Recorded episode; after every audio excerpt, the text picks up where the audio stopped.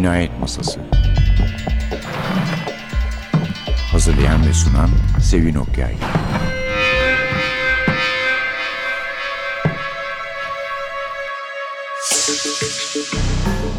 Merhaba, NTV Radyo'nun Cinayet Masası programına hoş geldiniz. Bu cinayet işinin üstadı olan bir yazarımız var bugün, Ruth Rendell.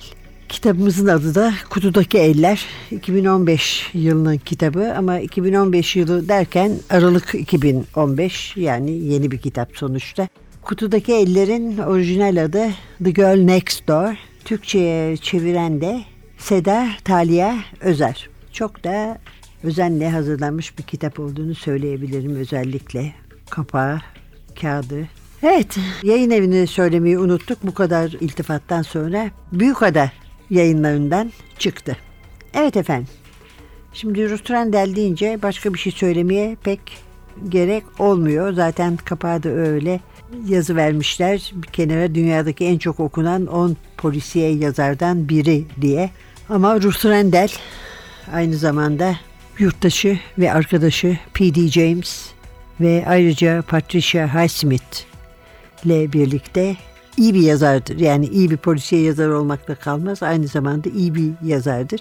Bu kitap için bir iki eleştirmen böyle onların ölçüsüne göre yarım yıldız kaybettirecek bir itirazda bulunmuş. İtirazları da şu. Başta belli oluyor. Yani başlarda katilin kim olduğu belli oluyor. Ondan sonra biz daha çok bir psikolojik roman okuyoruz. Ve öyle ama zaten Rotrandel de bu romanlarda ustadır, çok ustadır. Hatta ben şöyle düşünüyorum. Bu aslında bir Barbara Vine kitabıymış. Yani takma adı olan Barbara Vine'ı bu kitaba koysaymış Ruth Rendell yerine hiç tuhaf kaçmazdı.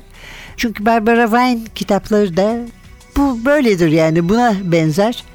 Bir de şöyle bir ustalığı da var. Yani yaşlı insanları anlatıyor diyorlar. Hakikaten yaşlı insanları anlatıyor. Onların sorunlarını, psikolojik durumlarını, birbirleriyle ilişkilerini, gençliklerini ve şimdiyi neler hatırlayıp neler hatırlamadıklarını. Bunlar hepsi 70'in üstünde insanlar. Yıllar önce aynı yerde kalırlarmış. Bir gruplarmış. Kendilerine tüneller bulmuşlar. Savaş için kazılmış. Oralarda oyun oynuyorlarmış. Sonra işte bir tanesinin babası gelmiş bunları kovalamış oradan.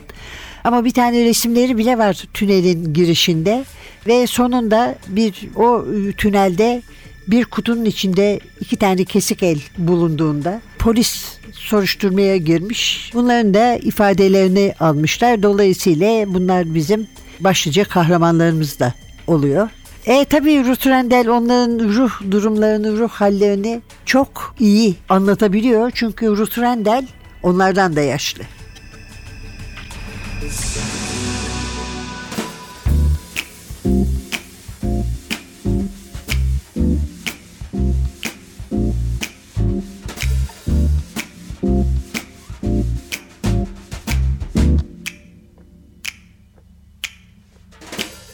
I never know how much I love you.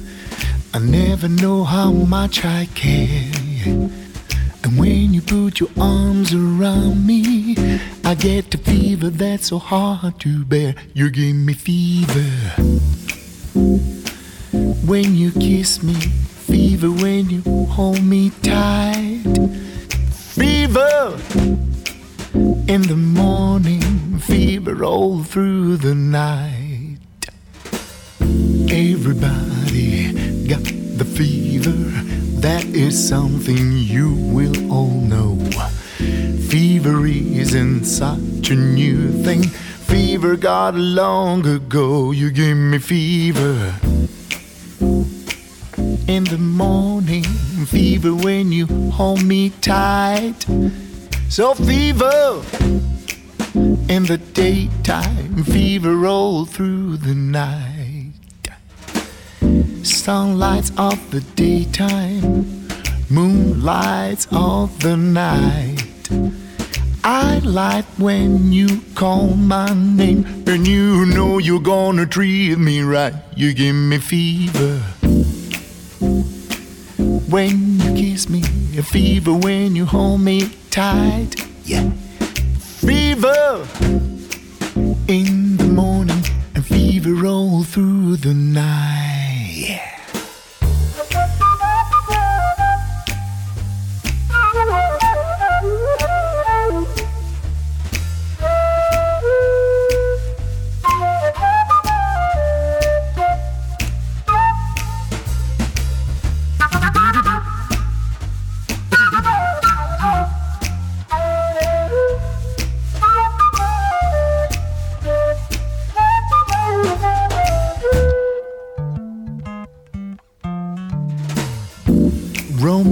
Loved Juliet, and Juliet she felt the same. When he put his arms around her, he said, Julie, baby, you're my flame, you give me fever. When you kiss me, fever when you hold me tight. Fever in the morning, fever all through the night. So, never know how much I love you, baby. Never know how much I care. When you put your arms around me, I get fever that's so hard to bear. Fever.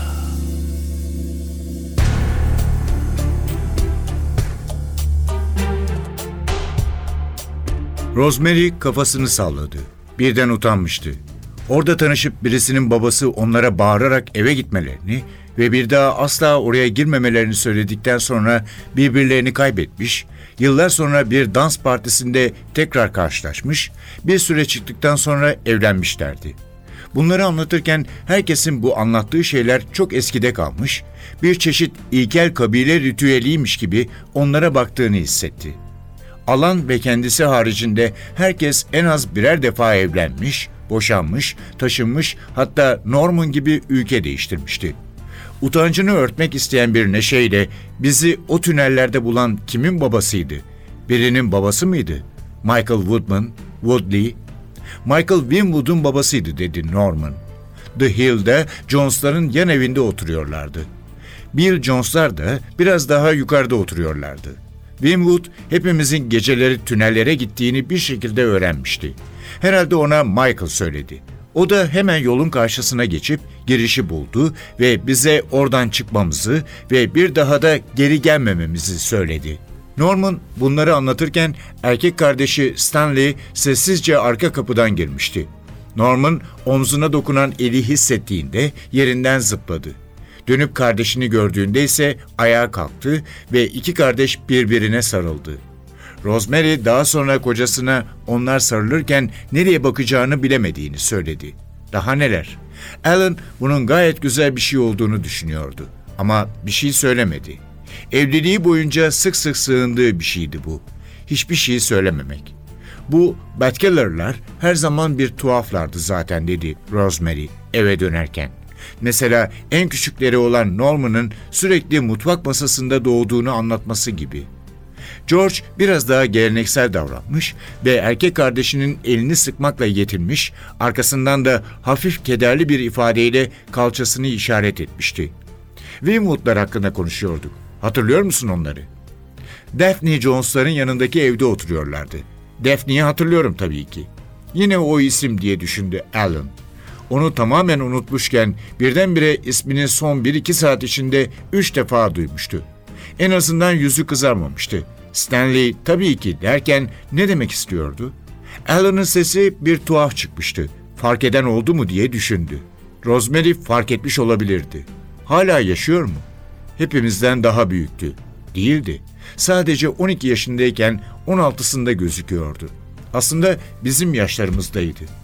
Stanley bilirmiş gibi başını salladı. Ben onunla görüşmeye devam ettim sayılır. Bundan gurur duyar bir hali vardı. Üç defa evlendi ve şimdi adı Daphne Ferns.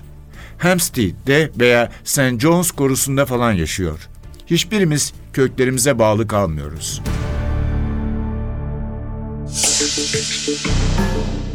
Çok kısaca özetlemek gerekirse İkinci Dünya Savaşı'ndan hemen önce lakabı Woody olan bir adam karısını ve karısının sevgilisini öldürüyor. Sonra da onların ellerini kesiyor ve bir kurabiye kutusu içinde gömüyor. Çocukların oynadığı tünellerden birine. Ellerini niye kesiyor? Çünkü aralarında bir ilişki olduğunu ilk kez paldır küldür mutfağa girip de ellerinin üst üste olduğunu gördüğünde anlamış. Yani birisi ötekinin eline dokunmuş böyle cesaret vermek ister gibi sevgisini anlatmak gibi.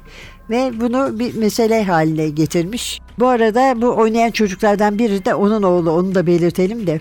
Ama bu kitabın başındaki bu cinayet, bu suç aslında sanki kitapla o kadar da yakın bağları yokmuş gibi duruyor. Çünkü cinayetin kendisinden ziyade şimdi 70 yaşını geçmiş olan çocuklar üzerinde durmuş. Bu çocuklar da daha önce de dediğimiz gibi polisin soruşturması sayesinde yeniden bir araya gelmişler. Hatta yani o zamanlardan beri birbirlerini görmemiş olanlar bile bu sayede birbirlerini görme fırsatı bulmuş. Geçmişlerindeki ilişkiler anlatılıyor. Hem çocukların arasındaki e, hem de anne babaların arasındaki, anne babalarla çocukların arasındaki ilişkiler. Ama Rendel'i asıl ilgilendiren onların şimdiki ruh halleri ve e, grup içinde kurulan yeni ilişkiler. Ve karakterlerinin pişmanlıkları, kayıpları ve şaşkınlıklarıyla gerçekten kusursuz bir yaşlılık portresi çizmiş. Ölümden de uzak durmamış diyelim. Çünkü bu yaştaki insanların en fazla aklına takılan ama unutmak istedikleri şey elbette ki ölüm. Ruth Rendell 50 yıldır yazıyor. Polisiye romanlar yazıyor ve artık son kitapları heyecanlarından hiçbir şey kaybetmemiş olsalar da daha tecrübeli ve yaşlı bir yazarın kitapları yaşlanmakta olan karakterlerin perspektifinden bakıyor meseleye. Hatırlarsanız onun baş kahramanı aslında baş müfettiş e, Rick Wexford'dur. E, Wexford bir polis baş müfettişi dediğimiz gibi çok sevdiği bir eşi var. İki tane kızı var. E, Onlara karşı çok iyi davranıyor ama mesela çevreyle ilgili de hassasiyeti var ve çok iyi bir polis. Dolayısıyla bu Barbara Wine tipi kitaplardan farklı kitaplar oluyor. Aynı derecede iyi yazılmış olsalar da Ruth Rendell'in Wexford kitapları.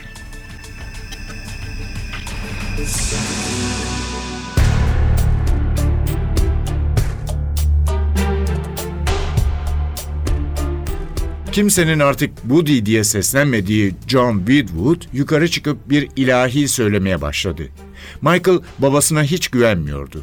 Güvenmesi için bir sebep yoktu. Ama onunla Louis'e kadar trenle geleceğini düşünmüştü. Ama babasının böyle bir niyeti yoktu.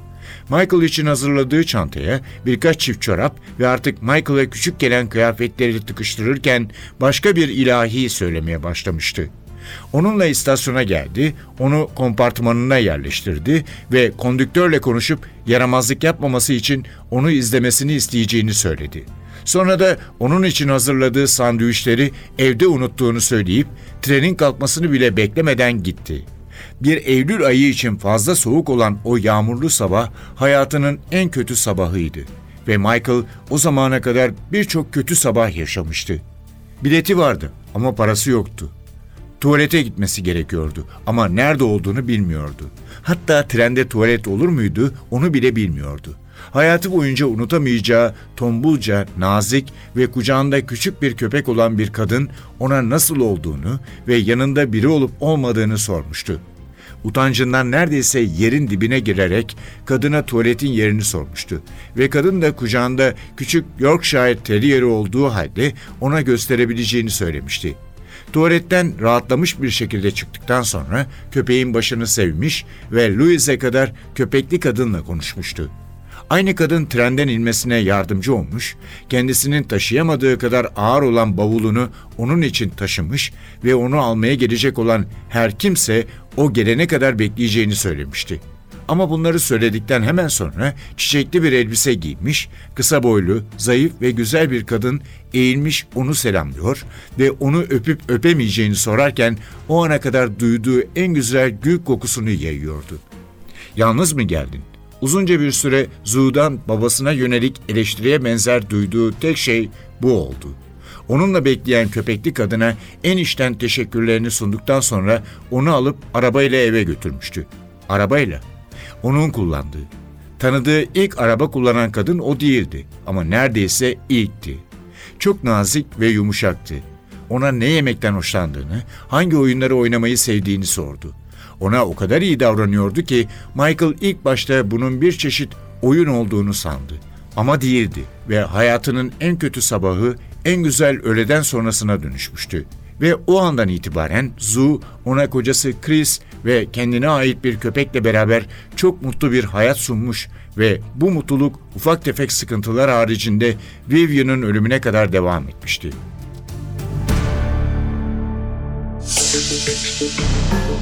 Hürtrendel kutudaki eller. Efendim yaşlılık dedik de yani tabii Wexford'da yaşlandı. Hatta Hürtrendel çok üzülüyor. İlk romanı yazdığı zaman hiç bilmemiş tabii onun bu kadar uzun süre yaşayacağını, ayakta kalacağını düşünmemiş, aklına gelmemiş. Bilseydim diyor o zaman onu 18 yaşında yapardım diyor. 18 yaşında olurdu ve şimdi de daha makul bir yaşa gelirdi. Ama ilk roman 1964 yılındaydı. From Dune with Death. E, o zaman da doğrusu Wexford pek 18 yaşında değildi. Ne var ki yani polisiye meraklı olanların, belli bir tür dedektifi sevenlerin en sevdiklerinden biridir. Mesela işte Petros Markaris'in Kostası, Megres'i George Simenon'un, e, Donna Leon'un aynı derecede diğerleri gibi evine ve ailesine düşkün polisi Brunetti ve birkaç başka karakter gibi eğer böyle polislerden, böyle polis karakterlerinden hoşlanıyorsanız kesinlikle Wexford'dan da hoşlanırdınız. Hatta o kadar seviliyor, o kadar beğeniliyor ki ama tabii bunda başka şeylerin de çok rolü var. Yani sadece kitaplarda kalmış olsaydı bilmiyorum bu kadar meşhur olur muydu? Ama televizyonda bir Wexford dizisi vardı. George Baker oynuyordu karakteri. O da tabii kitaptan çok daha fazla ve çok daha süratle tanınmasını, bilinmesini sağlıyor. Ruth Rendell de demiş ki yaptıkları şeylerden her zaman hoşlanmasanız da televizyonu tek hamlede yok saymamak lazım. Çünkü o da bir yazardı ile çok meşhur yazar arasındaki farkı televizyon sağlıyor. Ev doğrusu Ruth Rendell'in filmlerini de özellikle e, Avrupalı yönetmenlerin çevirdiği filmleri de unutmamak gerek. Pedro Almodovar, Claude Chabrol ve Claude Miller gibi seçkin yönetmenler onun kitaplarından filmler yaptılar. Bu arada Simenon demiştik. Simenon Belçikalı yazar, çok rahat yazan ve çok iyi yazan yazar. Ee, aynı zamanda Ruth Rendel'in en sevdiği yazarlardan bir tanesi ama artık son zamanlarda pek başkalarının polisiyelerini okumuyormuş. Hatta galiba hiç okumuyormuş. Arkadaşı P.D. James hariç diyor ki yani ben zaten yazıyorum başkalarınınkini okumak pek istemiyorum.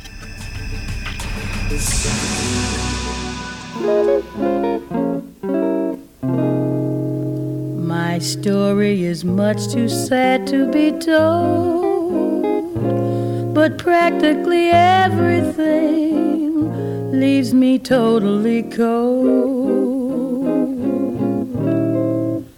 The only exception I know is the case when I'm out on a quiet spree, fighting vainly the old ennui, and I suddenly turn and see your fabulous face. I get no kick from champagne. Mere alcohol doesn't thrill me at all. So tell me why should it be true that I get a kick out of you? Some get a kick from cocaine. I'm sure that if I took even one sniff, that would bore me terrifically too. But I get a kick out of you. I get a kick every time I see you're standing there before me. I get a kick, though it's clear to me you don't adore me.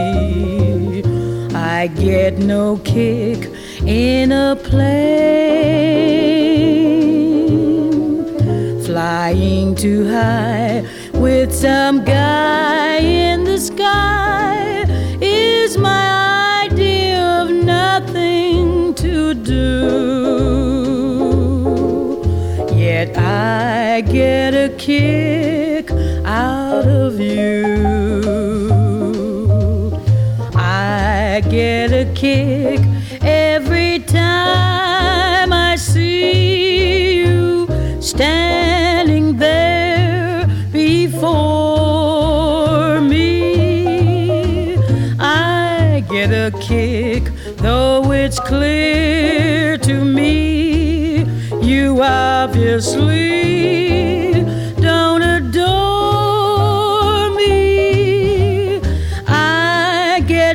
kick in a plane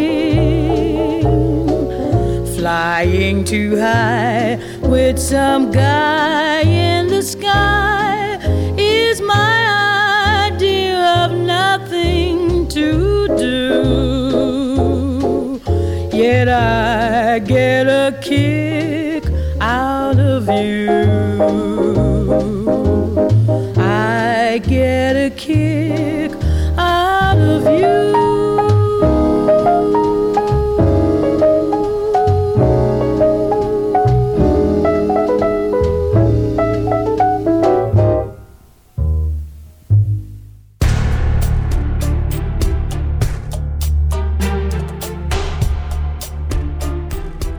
Rosemary bardağını masaya bıraktı. Neden o? dedi. Tek bilmek istediğim bu. Eğer genç biri olsaydı anlardım. Ama neden o? Neden o yaşlı cadı? Alan nasıl öğrendiğini sormadı. Belki Robert Flynn'la konuşmuştu. Önemli değildi. Hakaretlerin bir faydası olmaz. Başka bir şey daha bilmek istiyorum. Onunla ilişkiye girdin mi? Alan bunu sormasını bekliyordu. Aynen bu kelimelerle. Geçtiğimiz haftalarda hatta artık aylarda o kadar çok yalan söylemişti ki bu artık alışkanlık haline gelmişti. O kadar hazırlıklıydı ki hemen o anda da bir yalan uydurabilirdi. Kolayca hayır diyebilirdi. Onu o kadar çok aldatmıştı ki. Peki şimdi de Daphne'ye mi ihanet edecekti? Evet dedi. Tabii ki. Rosemary başını yerden kaldırıp ayağa kalktı ve nasıl yapabildin bunu? Nasıl diye sordu. Bunun bir cevabı yok Rosemary. Sen de biliyorsun olmadığını. Pişman mısın? Seni affetmemi istiyor musun? Bunu yarın konuşabilir miyiz? Uyumak istiyorum. Alan, Rosemary'nin ağlamaya başlayacağını sandı. Ama Rosemary ağlamadı. Başkaları da oldu mu? Evliliğimiz boyunca başkaları oldu mu? Hayır, sadece o. Yatmaya gidiyorum. Bir evlilikte bu tip krizler yaşandığında ilk yapılan şey eşlerden birinin yatak odasından çıkıp koltuğa ya da varsa ekstra odaya yerleşmesiydi. Alan odasından eşyalarını alıp yedek odaya geçtiğinde Rosemary'nin kendisinden önce oraya yerleştiğini gördü. İkisi de doğru düzgün uyuyamadı. Bu konuyu çoğu insanın yaptığı gibi defalarca tartışırız ve sonunda ben evden ayrılırım diye düşündü Alan. Rosemary bütün hayatı boyunca hiç yalnız yaşamamıştı. Ne yapardı? Onu yüzüstü bırakmayacağım, yanında olacağım, benden ne isterse yapacağım, onunla kalmak dışında. Yaşlıyım ama kalan yıllarımda mutlu olmaya hakkım var. Biraz uyudu ve beş buçukta kalktı. Rosemary çoktan uyanmıştı ve üzerinde normalde bu saatte giydiği geceliği değil, kendi diktiği çiçekli bir elbise vardı. Sanki özel bir yere gidecekleri zaman bir gece önceden yaptığı gibi saçlarına bigudi sarmışçasına düzgündü saçlarının dalgası. Alan sarmış gibi değil, gerçekten sarmış olduğunu anladığında titredi. Onu geri kazanmaya çalışıyordu. Alan, onu bir daha görmeyeceğine söz verirsen seni affedeceğim. Geçmişi geçmişte bırakacağım. Sadece bana söz ver ve bu konu kapansın. Alan hiçbir şey söylemedi. Ne de olsa kısa süreli bir şeydi. Öyle değil mi? Bir anlık çılgınlık denebilir. 70 yaşının üzerindesin. Bu kadar büyük bir değişiklik istemezsin hayatında. Öyle değil mi? Onu bir daha görmeyeceğini söyle ve bu konu burada kapansın. Bu beklemediği bir şeydi. Mantıklı ve makul davranıyordu ve bu olağan dışı bir durumdu. Erkekler sakin ve huzurlu hayat ister. Yarım yüzyıldan daha fazla bir süredir sakin ve huzurluydu ve artık daha fazlasını istemiyordu. Daphne'ye istiyordu ve yaşlarının hiçbir önemi yoktu.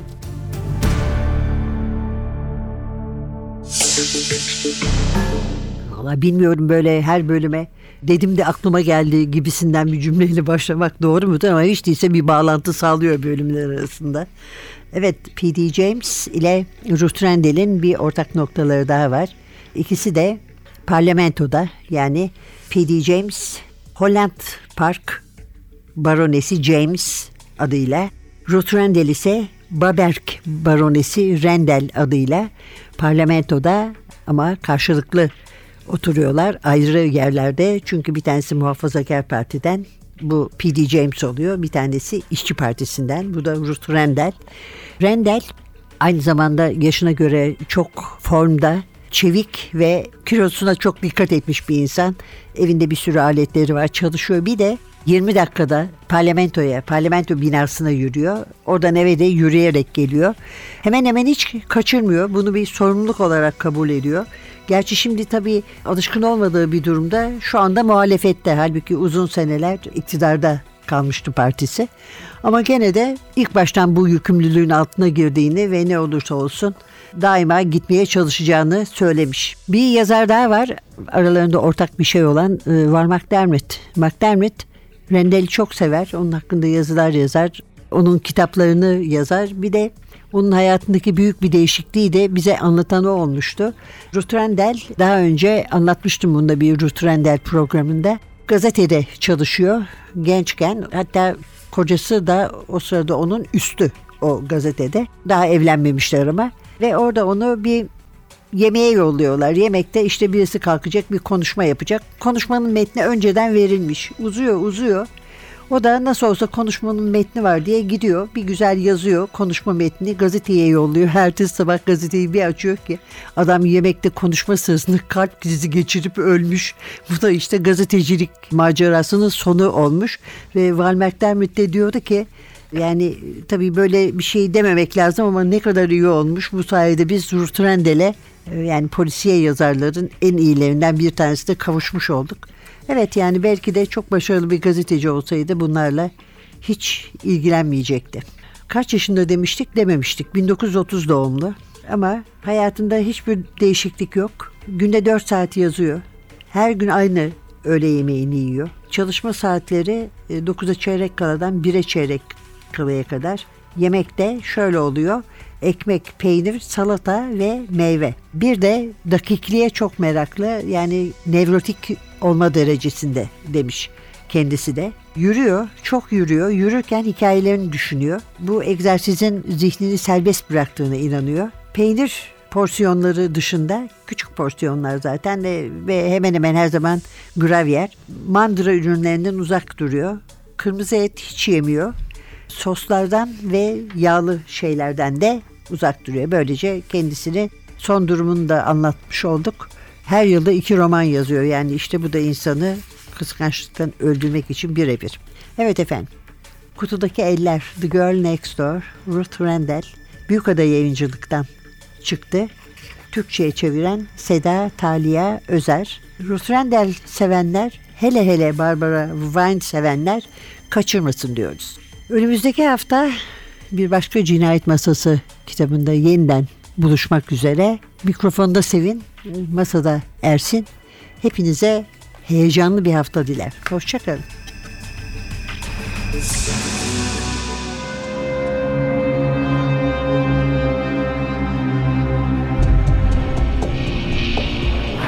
Cinayet Masası